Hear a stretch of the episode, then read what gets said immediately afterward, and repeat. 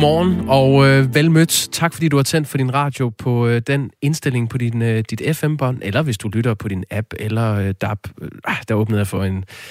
Der, der er simpelthen mange muligheder, men du lytter i hvert fald til Radio 4 morgen, og det er med øh, Kasper Harbo og Jakob Grosen denne morgen. Vi er i fuld gang. Der er ikke øh, onsdagsstemning her. Mogens Jensen, øh, ja, han er også øh, centrum for nogle af de sms'er, der tigger ind her til morgen. En skriver, alle burde holde sig ved loven, og øh, det gælder også Mogens Jensen. Men sjovt, når Blå Blok, Blå Blok råber højt nu, men var tavse, da deres justitsminister og udlændinge og integrationsminister begik ulovligheder. Det var under deres magt, står der i en sms, som vi har fået. Mm. Det er jo stadig under øh, efterforskning, det der. Jonas skriver, Jonas fra Bjerringbo. Godmorgen. Minkindustrien giver mange penge i statskassen. Hvorfor skulle en regering udrydde den, hvis ikke de mente, det var nødvendigt? Hvis der skal udskrives valg hver gang en regering laver fejl, så skal vi til valg hver måned. God dag. Det kunne faktisk være meget fedt at komme til valg hver måned. Ej, synes du det? Ja, det, det vil også give en lidt mere sådan, øh, råstof til radioprogrammerne. Ja, vi kunne lave meningsmålinger hver dag, som man ikke kunne bruge til en skid. Nej, det er selvfølgelig mængd, der fylder alt. Og det er også øh, der, vi er lige nu. Mængd fylder alt i nyhedsbilledet. I dag skal Mogens Jensen, fødevareminister i Danmark, det er klokken 13, i samråd om sagen om den ulovlige ordre, der blev givet om, at alle mængd i landet skal aflives. Det spændende er jo, hvad den her sag betyder for regeringen, og hvad de andre politiske partier siger til misæren. Det ved Peter Sindbæk, for han har fulgt med. Godmorgen, Peter. Godmorgen. Politisk reporter her på Radio 4. Øhm, vi starter lige med at tegne baggrunden op. Søndag kom det frem, at regeringen ikke havde hjemmel i lovgivningen til at kræve, at alle mængdene skulle aflives, og det fik i går formiddag fødevareminister Mogens Jensen til at sige sådan her til TV2 News. Jamen, jeg vil gerne sige klart, øh, at vi har begået øh, en fejl. Øh, der er ikke lovhjemmel til at bede minkavlere om at slå deres mink ned uden for de 7,8 km zoner, der er lavet.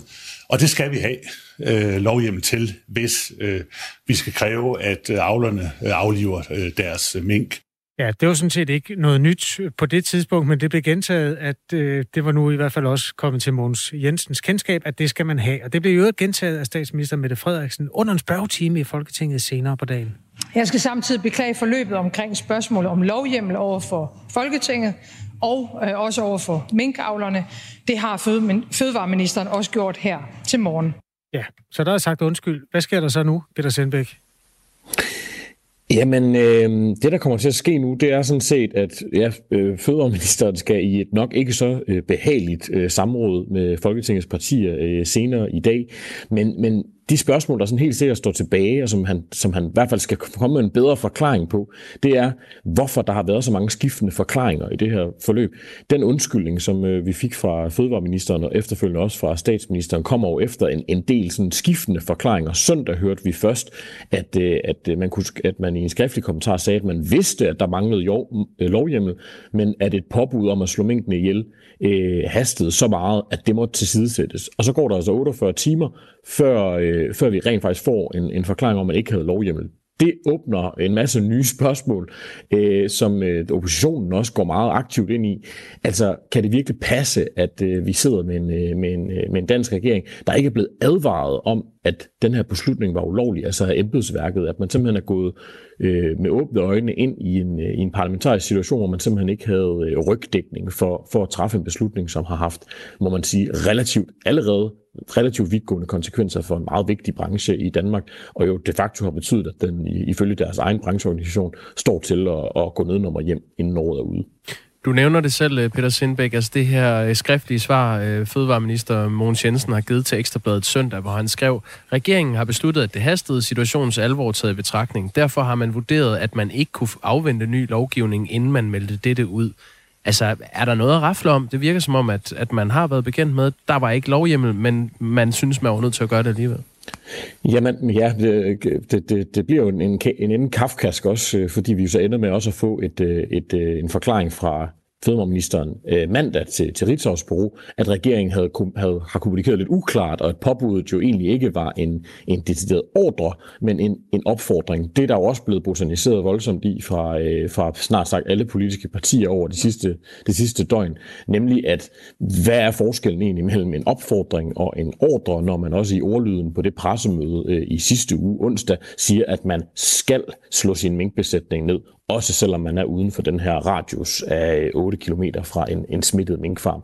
Og det, det efterlader jo et spil, hvor man, hvor man tænker, hvad er det i virkeligheden, øh, regeringen har vidst, hvornår statsministeren siger, at man i weekenden fik øh, indblik i, at øh, der altså ikke var lovhjemmel. Men, men spørgsmålet er, om, om der er tillid til det på Christiansborg. Og der kan man jo øh, i hvert fald høre på de borgerlige partier, at det ikke nødvendigvis øh, er, øh, er, er, er tilfældet. Øhm, ja, opsamlingen er, kan vi selvfølgelig godt lave. Vi skal næsten lige tage de her øh, berømte 6 sekunder. Det er nødvendigt at aflive alle mænd i Danmark. Det gælder desværre også afstyrene. Ja, hørte man rigtigt, tænker man. Eller det tænkte mange i hvert fald på det tidspunkt, og det viste sig, at selvom det var på en skræmmet Zoom-forbindelse, så var det det, der blev sagt. Statens Serum Institut har fundet frem til, at coronavirus, coronavirus er muteret blandt minkene på nogle af de nordjyske farme, og det kan bringe øh, en fremtidig vaccine i fare, eller programmet omkring samme. Det viser sig nemlig, at vaccinen ikke virker, når man har været øh, inficeret med den der kloster 5-variant. Men efter øh, fødevareminister Mogens Jensen har indrømmet, at ordren om at aflive minkene ikke var lovlig, har der selvfølgelig været storm på det politiske hav. Hvad vil de politiske partier nu? Hvad er det, de kræver af regeringen? Jamen, øh, det, det, det er lidt forskelligt afhængig af, hvem du spørger, men over en bred kamp har vi en opposition, øh, en borgerlig opposition, som stiller sig meget kritisk over for øh, regeringen i den her sag, som også øh, går ud og nærmest kræver øh, regeringens afgang, men vi har også støttepartier, som kræver at få at vide, øh, nu har vi også talt tidligere, øh, tidligere på dagen med, øh, med SF's øh, det, altså man, man kræver svar på, at hvem vidste hvad, øh, hvornår, også fordi, at der er undren, og, øh, og folk tager, øh, klør sig lidt i nakken for at finde ud af, hvordan kan man øh, træffe så substantiel og vigtig øh, og vigtig en beslutning, uden at have helt styr på, og hvor, hvem, hvad, hvad man må og hvilken lovhjælp man har, og at der ikke er nogen i lokalet øh, i regeringens koordinationsudvalg, hvor den her beslutning jo umiddelbart er blevet truffet, der har sagt, jamen øh, skal vi lige have sørget for, at øh, juraen er på plads. Øh, men man står altså også i, i en situation, hvor øh, flere borgerlige partier allerede i går sagde, jamen, at de synes, det var et godt sted at, øh, at starte, at hvis regeringen, hvis øh, ministeren gik af, og at øh, regeringen derefter også øh, kiggede lidt på, hvorvidt tilliden øh, eksisterer i Folketinget. Så det er altså også en lidt højspændt øh, politisk situation, og mange partier øh, går helt op på de store navler, når de, når de i tale det her ting. Det hørte vi i hvert fald også fra øh, oppositionslederen Jakob Ellemann, som også kommenterede på sagen øh, umiddelbart efter, øh, efter statsministerens øh, udtalelser ved spørgetimen i går. Det er en ordre, som betyder, at mænkeværet bliver nedlagt i Danmark de facto, og alligevel så giver man sådan en ordre fuldstændig uden tanke for grundloven, uden tanke for erstatning til de mennesker, det rammer, og uden en plan for at fremlægge den dokumentation, der ligger bag. Det er en skandale, og det er en lemfældig omgang med Danmarks Riges Grundlov. Det skal Folketinget ikke finde sig i. Og den præmis, som statsministeren stiller op, som siger, enten så vil man folkesundheden, eller også så vil man folkestyret. Den præmis, den er forkert. Folkesundhed og folkestyre er ikke hinandens modsætninger. Vi skylder hinanden, vi skylder Danmark, vi skylder minkavlerne at behandle det her ordentligt og respektfuldt. I mandags kaldte regeringen Folketingets partier sammen for at forsøge at stable en hastelov på benene, der vil sikre, at det her lovgrundlag, som ikke var på plads, det kommer på plads. Men Blå Blok gjorde det klart, at de ikke vil give regeringen hjælp til at få det her gjort lovligt. Hvad siger socialdemokratisk bagland til Mogens Jensens øh, fejl i denne her sag? Ja, vi har jo allerede i, til Danmarks Radio har et, øh, et par, øh, hvad kan man sige, kredsformænd i de berørte nordjyske kredse udtalt sig øh, øh, relativt kritisk øh, til, øh, til, til Danmarks Radio om, om håndteringen af det her, særligt fra Fødevareministeriets side. Men, men det er ikke fordi, vi har, vi har hørt særlig mange øh, kritiske røster, og det vil også være på det her tidspunkt øh, lidt ukarakteristisk, kan man sige, for, for det socialdemokratiske bagland, som er lidt mere, øh, hvad kan man sige, øh, topstyret, hvis man ser på andre, øh, andre øh, sager i det politiske Danmark her over de sidste par måneder, som vi også har siddet her i programmet og snakket om, mm. så, øh, så har det ikke været lige så nemt øh, at, at få øh, det, baglandet i tale om, hvorvidt en minister skal, skal gå eller, skal, eller ikke gå. Men det, det er en rodet situation, og det er bestemt en sag, som bliver fuldt rigtig, rigtig nært, også fordi, at beslutningen, der blev truffet i sidste uge, har øh, selvfølgelig konsekvensen for minkerhvervet, og det er den beslutning, der bliver set rigtig kritisk på lige nu. Men det er jo også en af Nordjylland og den beslutningsproces, der ligesom har været inde over, øh, at regeringen er nået frem til en konklusion, at det vil være det bedste at lukke ned på grund af frygten for den her øh, virusmutation. Og det er jo også, som statsministeren sagde i går, hendes nærmest øh, eneste fokus i den her sag. Hun siger, selvom vi sidder og snakker rigtig meget om, hvem der har gjort hvad, og hvem der har sagt hvad, hvornår, så ville hun ikke, uanset spørgsmålet om hjem, øh, lovhjemmel, have ændret et komma i det, hun sagde på pressemødet i sidste uge, udover at hun ville have henvist til, at man nu vil bede Folketinget om lov til, øh, til at gøre det her via en hastelov.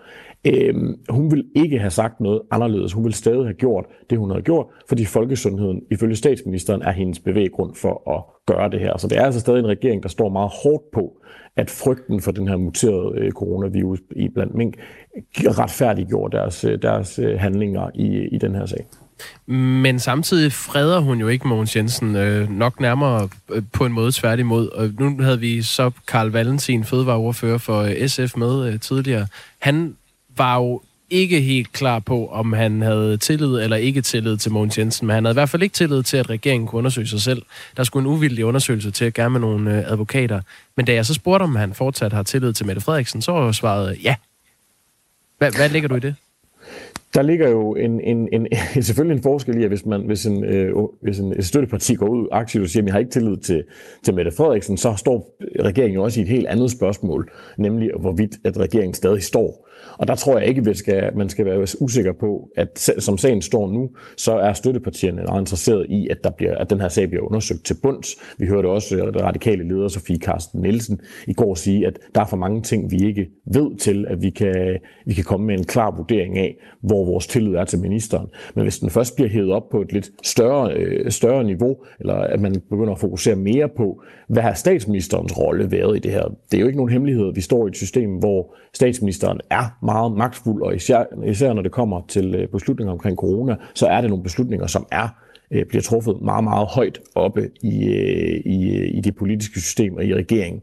Så spørgsmålet er jo også nu, øh, hvem det er, der har været den drivende kraft i den her beslutning om at aflive minkene. Man kan jo godt se på Mogens Jensen som fødevareminister og sige, at det er hans ressortområde, men beslutningerne omkring corona-håndteringen i Danmark bliver jo i høj grad truffet øh, op på de, på de øverste lag i, i den, på den politiske scene. Og der, øh, der er det jo også en, øh, en borgerlig opposition, der ser meget skarpt på, jamen, hvilken rolle har statsministeren spillet i det her, og kan det virkelig passe, at der ikke er nogen, der har øh, rejst et lille rødt flag i forhold til det her med lovhjemlen?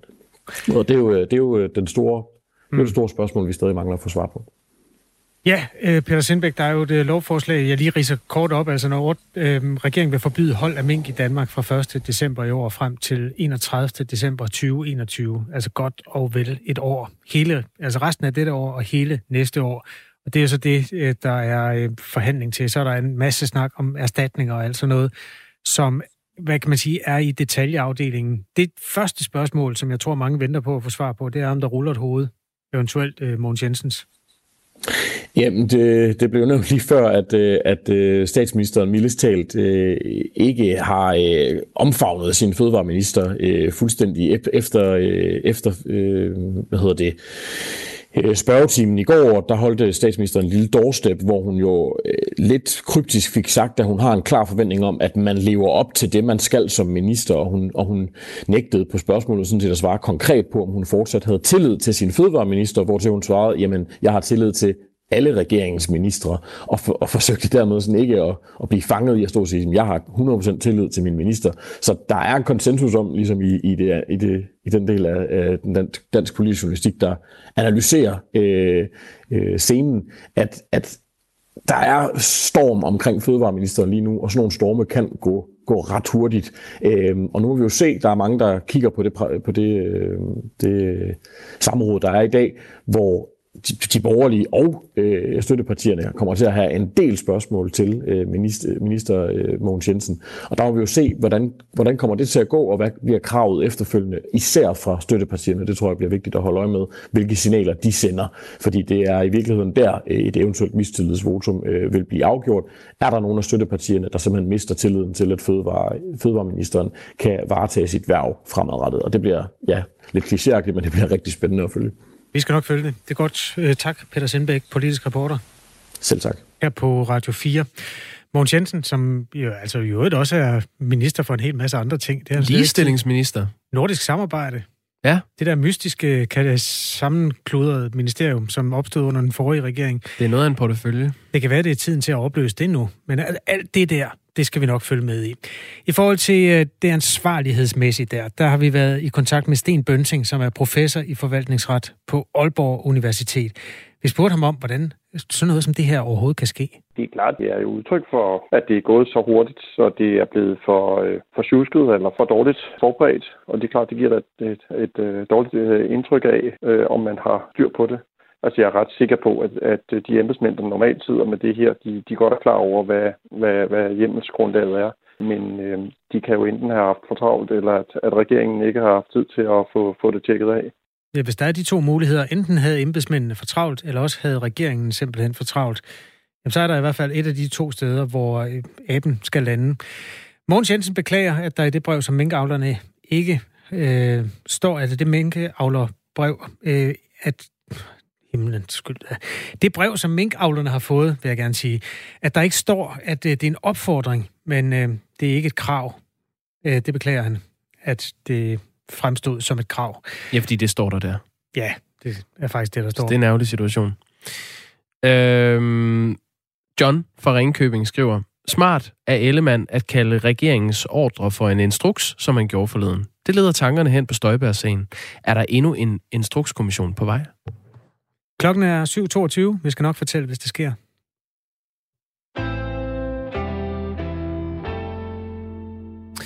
Nu skal det handle om øh, USA og øh, det valg, som for nogen øh, fremstår som afsluttet, og for andre øh, fremstår som åbent. I hvert fald føler Donald Trump sig snydt. Joe Biden er blevet udnævnt som vinder af valget, og USA's kommende 46. præsident, men intet tyder på, at Donald Trump har tænkt sig at forlade det hvide hus uden at larme på vejen ud. Mandag fyrede Trump sin øh, forsvarsminister Mark Esper, og flere jagttager og øh, eksperter, som følger det her, vurderer, at han kan finde på at gøre det samme med øh, Anthony øh, Fauci, som er en af USA's øh, førende viruseksperter. Han er USA's svar på øh, Søren Brostrøm.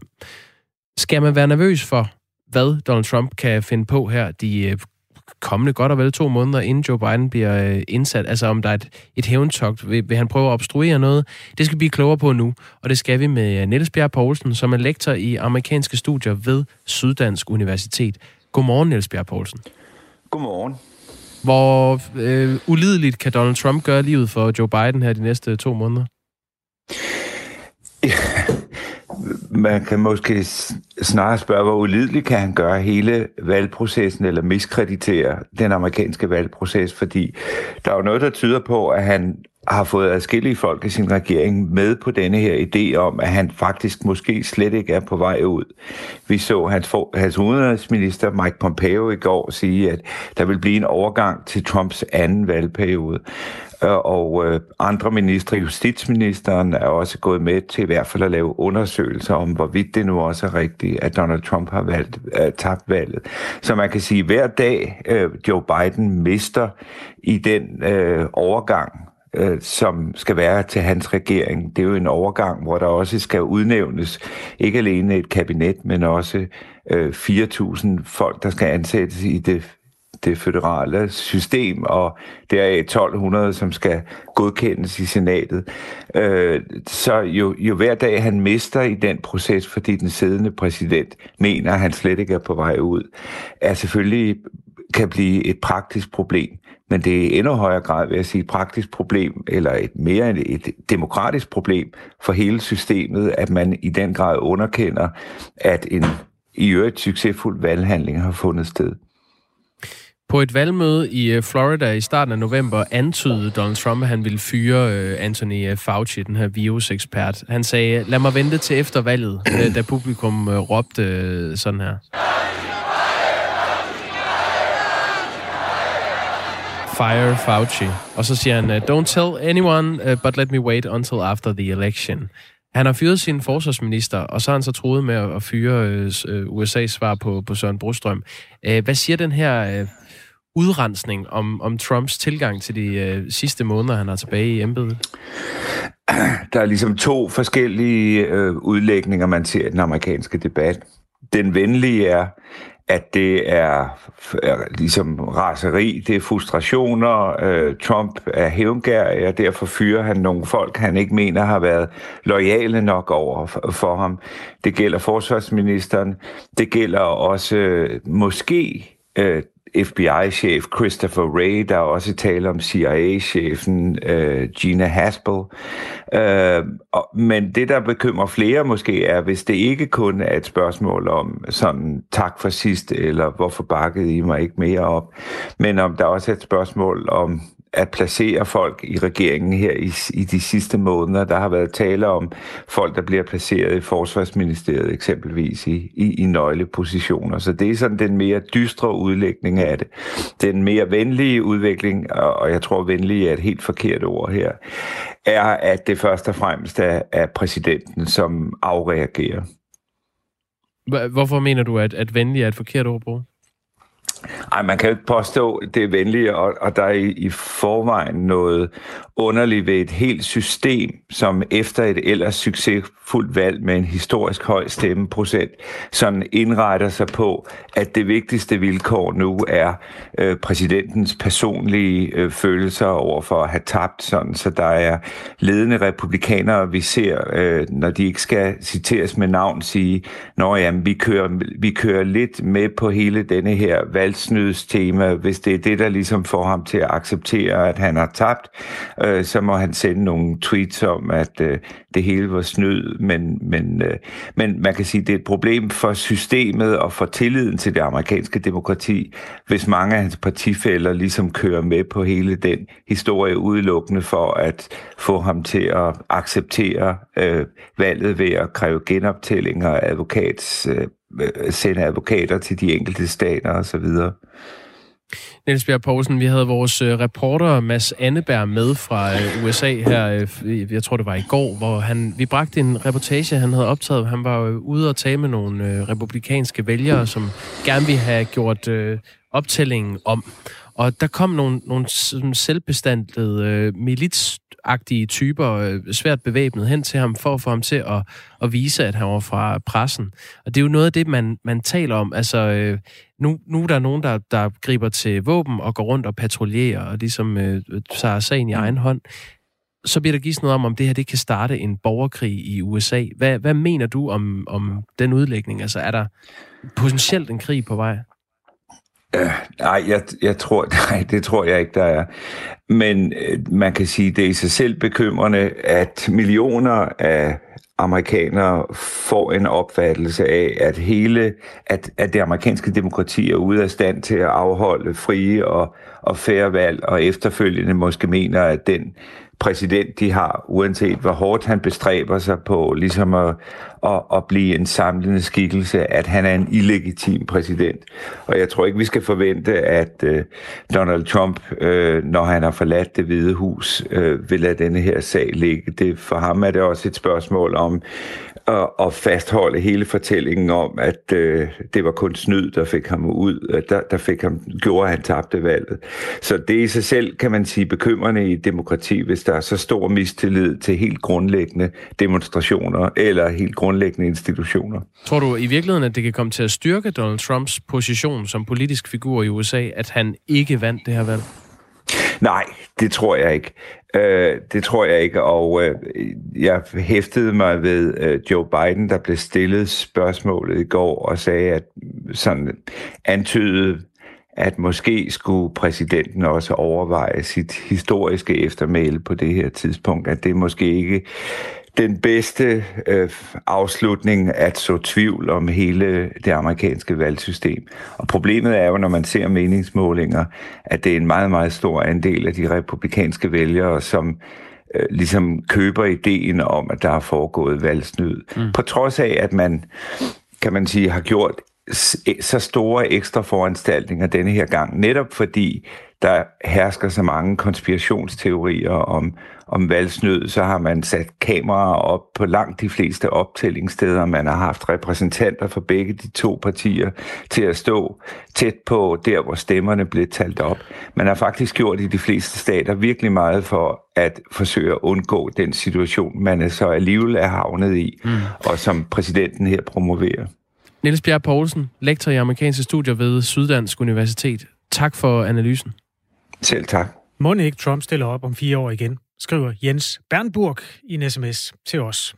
Den lader vi øh, bare forplante sig, den tanke. Nu er klokken halv otte.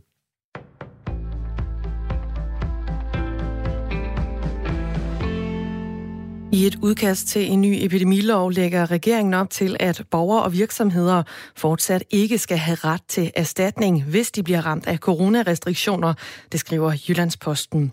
Da coronapandemien den brød ud, fik regeringen i al hast vedtaget en midlertidig lov, som blandt andet afskaffede retten til erstatning til dem, der blev ramt økonomisk, da Danmark lukkede ned. Dengang understregede sundhedsminister Magnus Heunicke, at de vidtgående regler ville udløbe på et tidspunkt. Men i det nye udkast fremgår det altså ifølge Jyllandsposten, at der kun skal gives fuldstændig erstatning, hvis der sker direkte ekspropriation af privat ejendom. Frederik Våge, juraprofessor ved Syddansk Universitet, konstaterer over for avisen, at virksomheder dermed ikke har nogen retssikkerhed, når det kommer til erstatning. Hvor man som borger førhen havde et retskrav på erstatning ved et indgreb, bliver det nu på politikernes nåde. Det er op til politikerne, om de synes, at man er hårdt nok ramt, siger han. Enhedslisten har indkaldt fødevareminister Mogens Jensen til samråd i dag om minksagen, hvor regeringen har beordret aflivning af alle danske mink uden at have lovhjemmel til det. Det siger politisk ordfører for Enhedslisten Pernille Skipper til TV2. Det ser meget, meget sort ud, og vi kan ikke på nogen måde garantere, øh, at det her det ender med, at, at Mogens Jensen bliver ved med at være minister. Det, det må jeg sige. Sådan lød det altså fra Enhedslistens Pernille Skipper. Partierne i Blå Blok de mener, at Mogens Jensen han bør gå af. Hovedstaden, hovedstaden tager rekorden som den region, der har brugt flest penge på vagter efter tyverier af værnemidler i foråret, hvor både Herlev Hospital og Rigshospitalet blev ramt. Hovedstaden har brugt 15 millioner kroner på vagten. På vagter, det kan vi i dag fortælle her på Radio 4. Der har været tyverier og indbrud på mindst 17 hospitaler, sygehuse og plejehjem, men anklagemyndigheden oplyser til Radio 4, at der kun er faldet én dom. Alligevel så mener Christoffer Buster Reinhardt, konservativ formand for Sundhedsudvalget i Region Hovedstaden, at de 15 millioner kroner på vagter er givet godt ud når der vi stod i foråret i en situation, hvor hele verden de skreg på det, hvor at øh, det verdensomspændende marked det var brudt sammen. Vi var nødt til at lave luftbroer øh, i samarbejde med danske virksomheder øh, for at få transporteret tingene hjem, sådan så det ikke blev konfiskeret i øh, diktaturstater. Øh, altså det, det var tilfældet. Vi, vi stod i et øh, marked, der var fuldstændig øh, galt Mathias. Verden var ikke den samme øh, dengang, som den er i dag.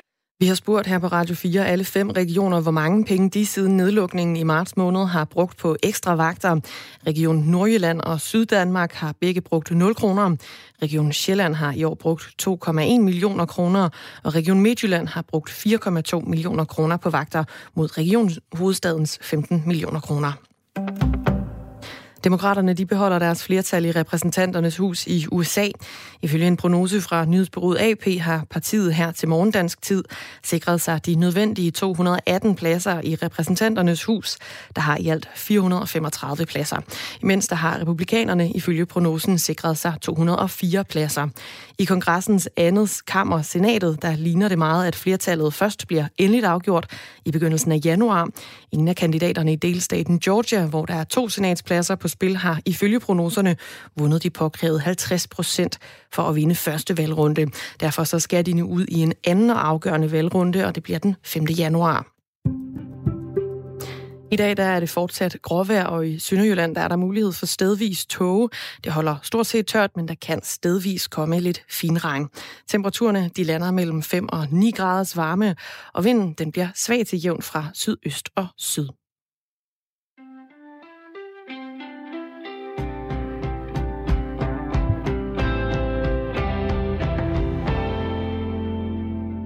Finregn nogle steder. Øh, svag vind øh, til jævn vind fra syd og sydøst. Det passer meget godt med, hvad Per, vores lytter, har skrevet på sms'en. Finregn her i Odense Sydøst. Med venlig hilsen, Per.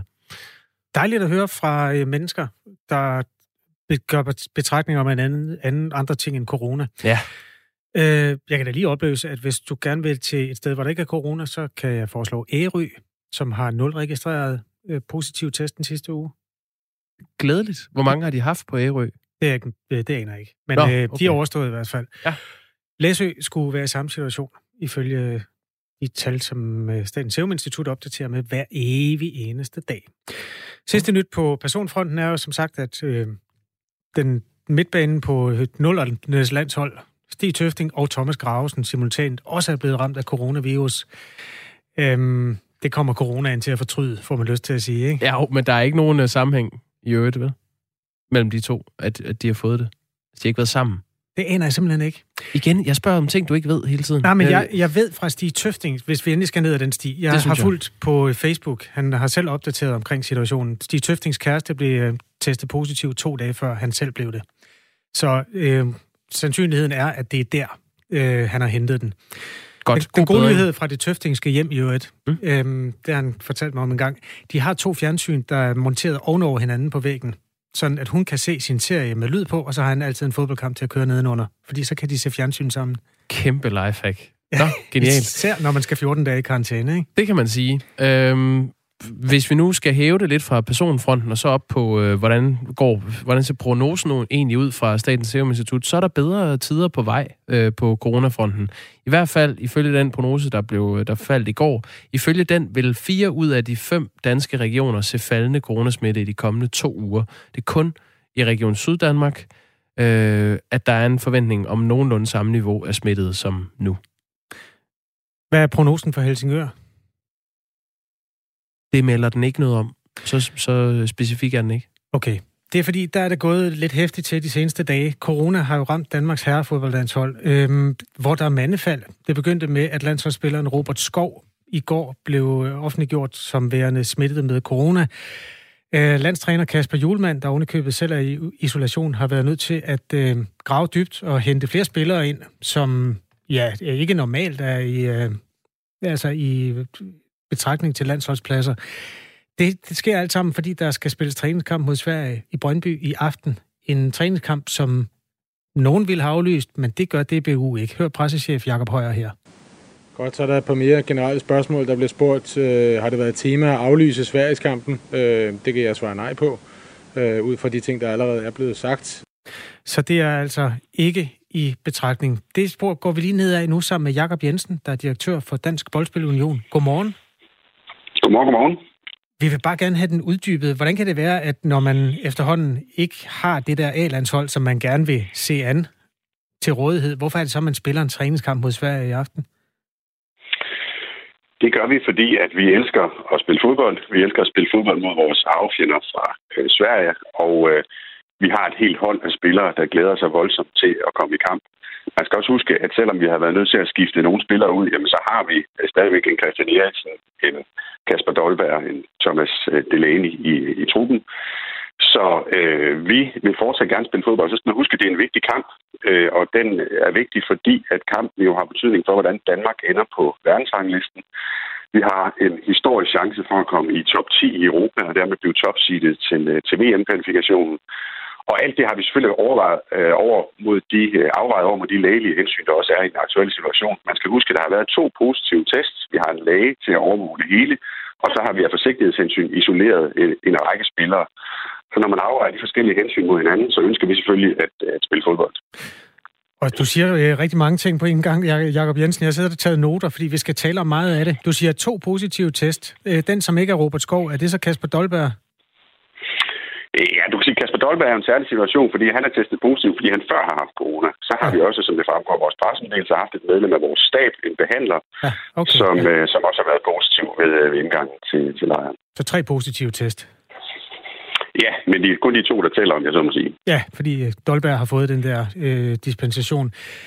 Øhm, hvis det er så vigtig en kamp, som du beskriver der, det tror jeg, at alle anerkender, at hvis Danmark kan hente point til en rangliste og dermed få fordel af det senere, så er det selvfølgelig en enormt god idé at vinde den kamp. Men er det ikke mere et argument så for at aflyse den, når nu der er tale om, at vi ikke stiller i stærkeste opstilling?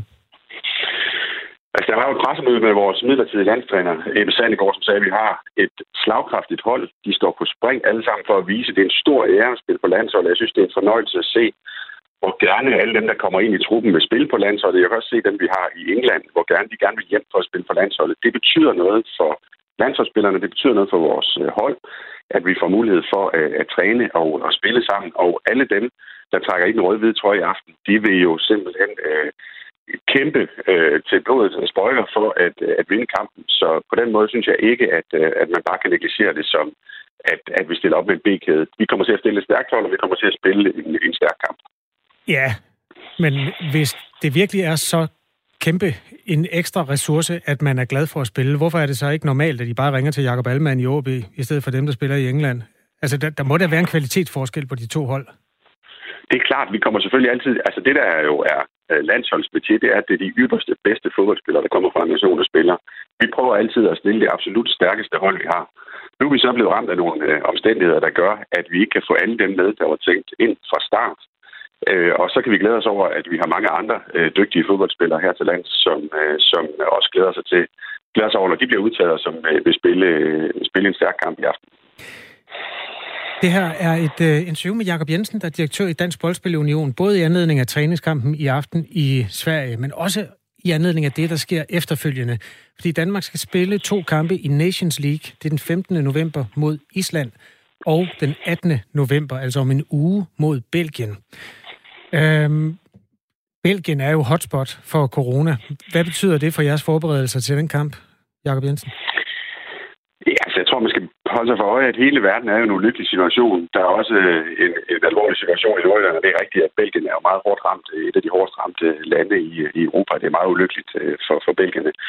Man skal huske, at når vi rejser øh, med landsholdene, så foregår det på en ekstremt kontrolleret måde efter nogle protokoller, som UEFA har lavet, hvor alle, der er i nærheden af landsholdene, bliver testet hele tiden, hvor de ikke blander sig med andre end dem, de er omkring i, i truppen.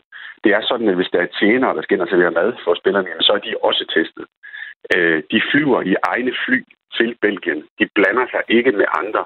Og Kasper Juhlmann har sagt det på den måde, på en eller anden måde er det mere sikkert at være inde i den her boble, man laver rundt omkring landsholdet, end det er at være i det civile samfund i øvrigt. Så det har ikke betydning for vores øh, forberedelser som sådan, fordi hele det setup der omkring landsholdet, det er så sikkert øh, i forvejen, at, at, at vi kan rejse hvorhen vi skal være for at spille kamp, om jeg så må sige. Hvis man spørger Udenrigsministeriet, om man kan rejse til Belgien, så får man at vide, at alt unødvendig rejse frarådes. Er det, en, øh, er det egentlig nødvendigt at spille fodbold? Det synes jeg, det er. I startede med jeres, øh, jeres program med at fortælle om øh, finregn i Danmark på en, øh, en, en mørk dag. Og, og her skal man holde sig for øje, at det, det kan være ganske hårdt at komme igennem øh, gennem Danmark i, i de mørke måneder, hvis ikke at, øh, at der er noget som, helst at, øh, at være fælles om. Så, så, og, og så skal man huske, at rejsereglerne er indrettet sådan, at øh, erhvervsrejser øh, i en lang række lande jo er til, at det her er jo fodboldspillernes øh, erhverv. Øh, og, øh, og derfor er øh, erhvervsrejser noget andet end ikke nødvendige rejser. Jakob Jensen, øh, jeg har et par spørgsmål mere til dig. Hvis du kan gøre et eller andet, nærme dig en, en vinduesrude eller sådan noget, der gør, at lyden bliver en lille smule bedre, fordi du druknede, du druknede lidt der. Yes. Øhm, ja, øhm, det er jo en diskussion i hvert fald. Der er en sportslig dimension i det her. Man stiller ikke med A-kæden, da mange danske spillere ikke må rejse frem og tilbage øh, til deres klubber i England på grund af corona. Det gælder blandt andre målmand Kasper Schmeichel.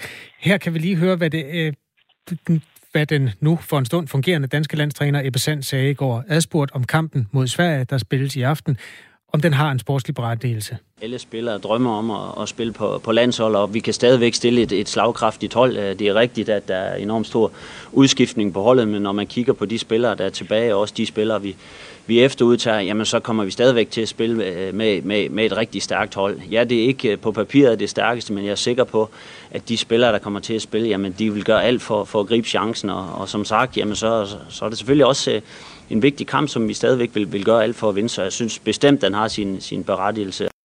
Jakob Jensen, det virker som om, det er enormt vigtigt for jer i DBU at fortælle os, hvor meget landstræholdet betyder for os. Øhm, seertallene er jo ikke prangende i øjeblikket. Er du sikker på, at det landshold betyder så frygtelig meget, altså herrelandsholdet? Det synes jeg jo, det gør. Øh, og jeg kan sige, at jeg er sådan en, der er vokset op med landsholdet som soundtrack til mit liv, og kan huske, hvem der scorede hvilke mål, øh, hvornår har fuldt landsholdet enormt tæt øh, i mange år. Det er der heldigvis rigtig, rigtig mange, der gør. Øh, både til vores kampe, når vi sædvanligvis har fans, øh, som følger også på de øh, sociale medier, som er med på mange andre måder via vores fanklub og andre ting. Så jeg tror, at man skal ikke bare se på, på, på de seertal, som vi vil, vil kunne lægge frem, men se på hele den øh, opbakning, der er til landsholdet rundt omkring på en hel række flader. Det sagde Jakob Jensen. Øh, du får lige en quiz. Vi kan lige tjekke, om det er rigtigt. Du kan huske, hvem der scorede hvilket mål. I 2004, der mødte Danmark også Sverige ved øh, en, jeg tror, det må have været en EM-slutrunde. Kampen sluttede 2-2. Hvem scorede de danske mål? Det mener jeg, det gjorde Jon Dahl. Ja, det er sgu i orden. Vanvittigt mål i øvrigt. ja, fremrav, to fremragende mål. Du har bestået. Tak, fordi du var med. Det er godt. Selv tak. Det er godt. Ja, tak lige måde. Øh, direktør altså for, ja, og god kamp til direktør Jakob Jensen fra DBU, som har siddet i den stol siden december sidste år. Det var øh, Jon Dahl, der helt flugter den op i det lange hjørne fra noget, der ligner 30 meter, eller sådan et eller andet fuldstændig vanvittigt godt mål. Kan du huske det? Ja, det kan jeg sagtens huske. Også fordi Jon Dahl, han scorede de 50 andre mål med indersiden af foden, ikke? Altså det der, det var Det her, det var med vristen, og det ja. var langt væk.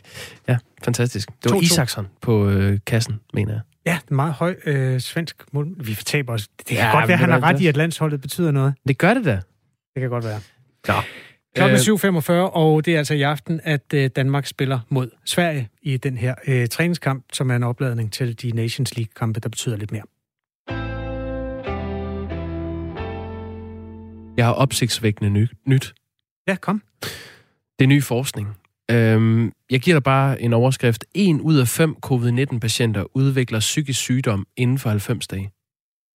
Det var da en forfærdelig nyhed. Det er fuldstændig grotesk. Øh, det er et forskningsprojekt fra øh, et universitet ved øh, Oxford, altså Oxford University i Storbritannien, som har fundet en signifikant højere risiko, blandt andet for demens, altså en hjerneforstyrrelsestilstand, også angst, depression og søvnløshed har været meget almindeligt blandt de her covid-19-patienter, som man har undersøgt.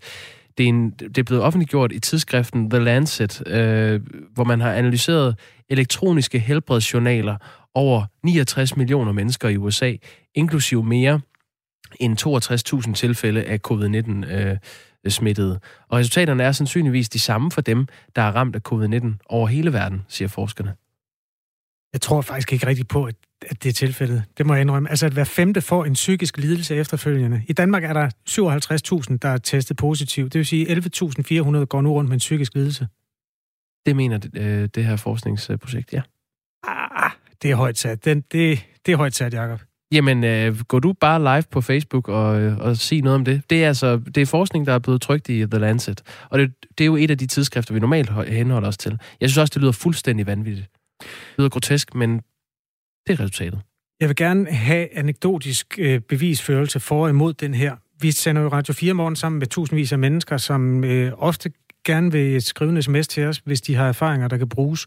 Hvis du er en af de 57.000 danskere, der har været smittet, vil vi meget gerne høre fra dig. Eller hvis du har en i dit nære netværk, har det ført til en, en psykisk lidelse efterfølgende? Og du list lige op igen, hvad er det ja, for nogle? det er i de tre måneder, altså 90 dage efter testning, hvor man er blevet testet positiv for covid-19, så er en ud af fem øh, blevet registreret som førstegangsdiagnose øh, af angst eller depression eller øh, søvnløshed. I øvrigt så skriver de også, det synes jeg, det virker endnu mere mærkeligt det her, men undersøgelsen har også vist, at personer med en allerede eksisterende psykisk sygdom var 65 procent mere tilbøjelige til at blive diagnostiseret med covid-19 end dem uden. Det, er, det her det er en nyhed, der går øh, verden rundt lige nu på veletablerede medier som Reuters for eksempel.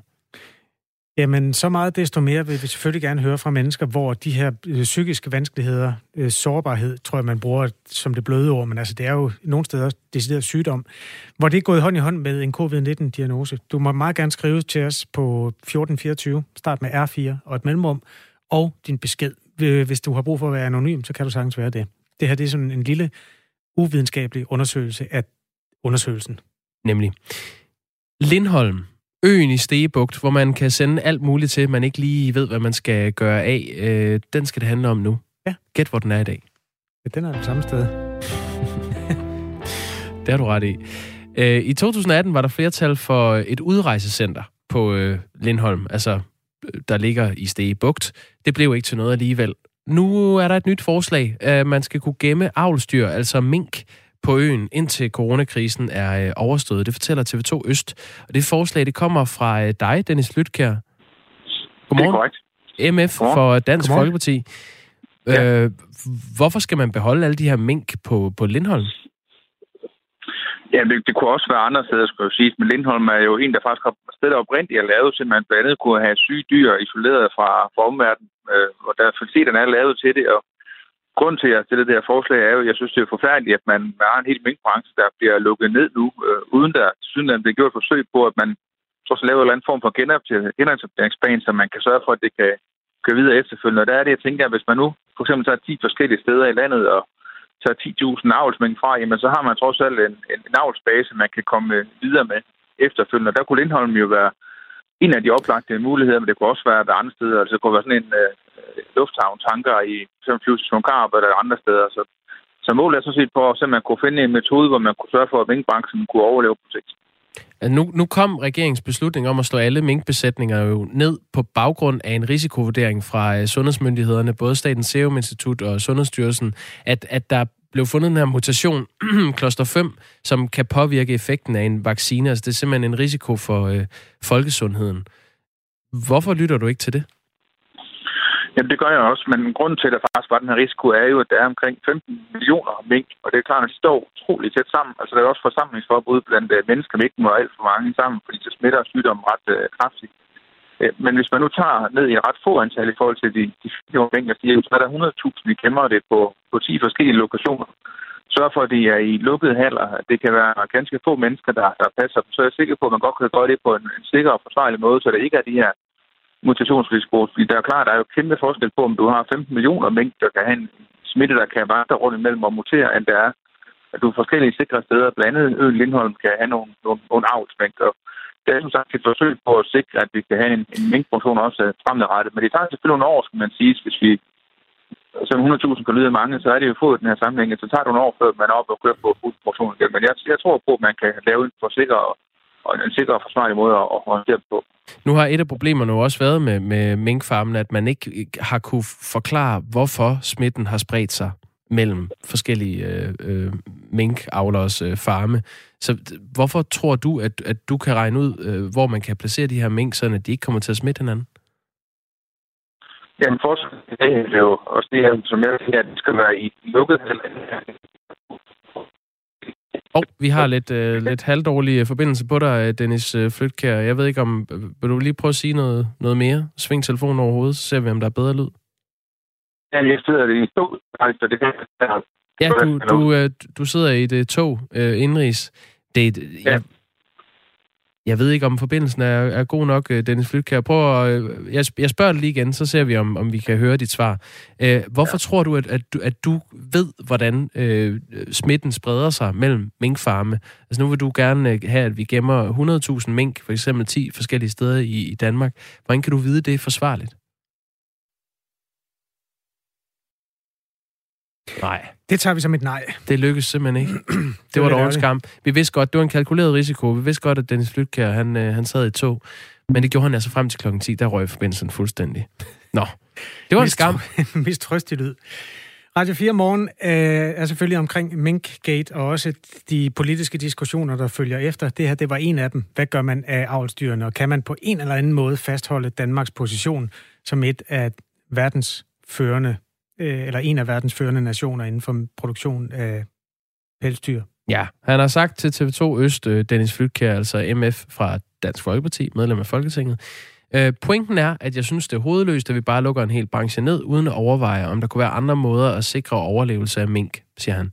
Og så har han så foreslået det her med, at man gemmer 100.000 mink til coronakrisen er over. Øh, TV2 Øst har så talt med en øh, minkavler og formand for Sjællands Pelsdyravlerforening, Anne Mona Kulsø Larsen. Hun synes, det er øh, urealistisk. Ifølge hende vil det kræve, at man gemte op mod en million mink. Dennis Flytkær lægger op til, at man skal gemme 100.000 mink. Men øh, det finder vi altså aldrig. Vi bliver aldrig klogere på det forslag, vi må se. Ja, det bliver vi Det senere. bliver nok heller ikke til noget, tror du det? Ej, det lyder en lille bitte smule... øh, Altså første gang, der var den der med Lindholm, der blev det ikke til noget. Nej, der var endda flertal for det. Prøv at høre, det vender vi tilbage til, når øh, toget på et eller andet tidspunkt kommer til perron. Jeg ved ikke, om vi lige skal bruge et øjeblik på at øh, vende de gode nyheder, der kom i går om en coronavaccine, som skulle have en 90% træfsikkerhed. Der er mange sådan positive klange i det. Ikke mindst for øh, flyindustrien, som jo ser bedre tider forude. Mm. SAS-aktierne steg.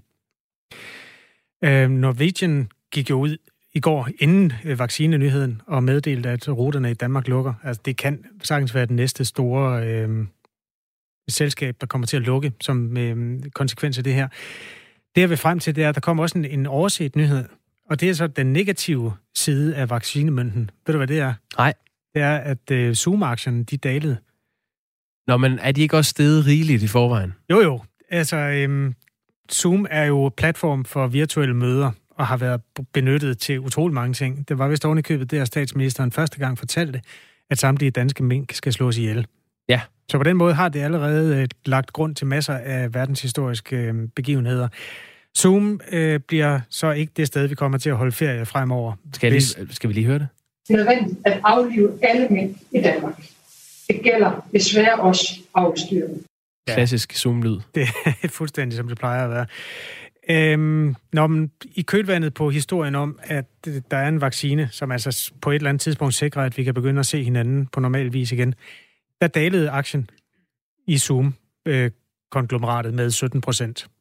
Zoom-konglomeratet, er de ejet af Microsoft? Nej, Zoom Video Communications hedder det, og det er, Okay. ja, det er selvejende. Jamen, øh, godt nyt og skidt nyt. Ja, På den ene og på den øh, anden side. Microsoft har deres egen. Den hedder, hvad er det nu, den hedder? Teams? Skype? Ja, lige præcis. Teams. Nu øh, genbesøger vi lige Guds eget land, fordi øh, det er kommet frem her til morgen, at demokraterne kommer til at beholde, øh, i hvert fald efter alt at dømme, deres flertal i repræsentanternes hus i kongressen i USA. Ifølge en prognose fra nyhedsbyrået AP har øh, demokraterne her til morgendansk tid sikret sig de nødvendige 218 pladser i repræsentanternes hus, som har i alt 435 pladser. Imens har republikanerne ifølge prognosen sikret sig 204 pladser. Godmorgen, Anders Savner. Godmorgen. Chefredaktør ved kongressen.com. Er det forventeligt? Det er forventeligt, at øh, det lykkes demokraterne at øh, fastholde flertallet af repræsentanternes hus. Det har de haft siden øh, midtvejsvalget i 2018, og det var forventeligt, at de ville fastholde det flertal. Det, der er det, det lidt uventet set med demokratiske briller i hvert fald, det er, at de har krympet deres øh, flertal i, øh, i repræsentanternes hus. Det vil sige, at republikanerne faktisk har vundet nogle, nogle sæder, og dermed også kommet tættere på at kunne flippe flertallet i, senat, i repræsentanternes hus. Men det er, det er bestemt øh, forventet, det der nu er sket, at, at demokraterne fastholder flertallet i huset. Hvad kommer de til at kunne bruge det til? Ja, det kommer meget ind på, hvad der sker over i det andet af de to kammer. Det er jo sådan i USA, at der er de her to lovgivende kammer. Der er henholdsvis repræsentanternes hus, og så er der senatet. Og det er ligesom det lovgivende maskinrum, og uden at kunne kontrollere begge de kammer, så kan Joe Biden godt vinke farvel til øh, nogle af de idéer, han har omkring for eksempel sundhedspolitik, uddannelsespolitik osv. på federalt niveau. Så det er klart, det er selvfølgelig et vigtigt første skridt på vejen for Biden i forhold til at kunne få sin politik gennemført, at hans parti har flertallet i repræsentanternes hus. Men så længe situationen er uafklaret omkring, hvem der har senatsflertallet, så er det også uklart, i hvor høj grad Joe Biden rent faktisk kan indfri sine valgløfter. Men det er klart, det første skridt er taget nu. Nu er det så spørgsmålet, om de kan tage det andet også. Måske skal vi lige bede dig, Anders Agner, fordi vi har af en eller anden grund utrolig elendige telefonforbindelser her til morgen, om at gøre dig lidt umage med at holde den så tæt på øh, mundtøjet som muligt, øh, fordi lyden af dig er en lille smule ulden, og vi vil gerne kunne høre, hvad du siger. Jamen, øh, vi prøver sådan herfra. Nej, det var bedre. Anders Agner, var- øh, øh, jeg kan jo sige som en, en lidt øh, kuriøs ting, at øh, senatet må ikke øh, foreslå lovgivning, der ikke opkræver penge fra borgerne. Den slags lovgivning skal komme fra repræsentanternes hus. Det er et eksempel på, hvordan øh, det her system er bygget op. Øh, mm. hvad, hvad forudser du? Altså forudser du en periode for Joe Biden, hvor, øh, hvor han faktisk får svært ved at få politik igennem overhovedet? Ja, det må jeg sige. Øh, Hvis det ser ud, som det gør lige nu, hvor det mest sandsynlige er, at senatet fastholdes på republikanske hænder.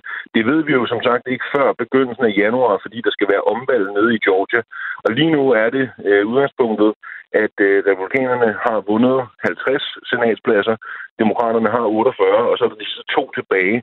Og det er klart, ender det med, at republikanerne fastholder senatsflertallet, jamen så øh, bliver det stort set umuligt for Joe Biden at få sin politik gennemført, fordi så vil splittelsen i kongressen være det samme som, at han er handlingslammet rent politisk, så kan han ikke få sine store lovpakker igennem, fordi det vil republikanerne aldrig nogensinde give, øh, give lov til.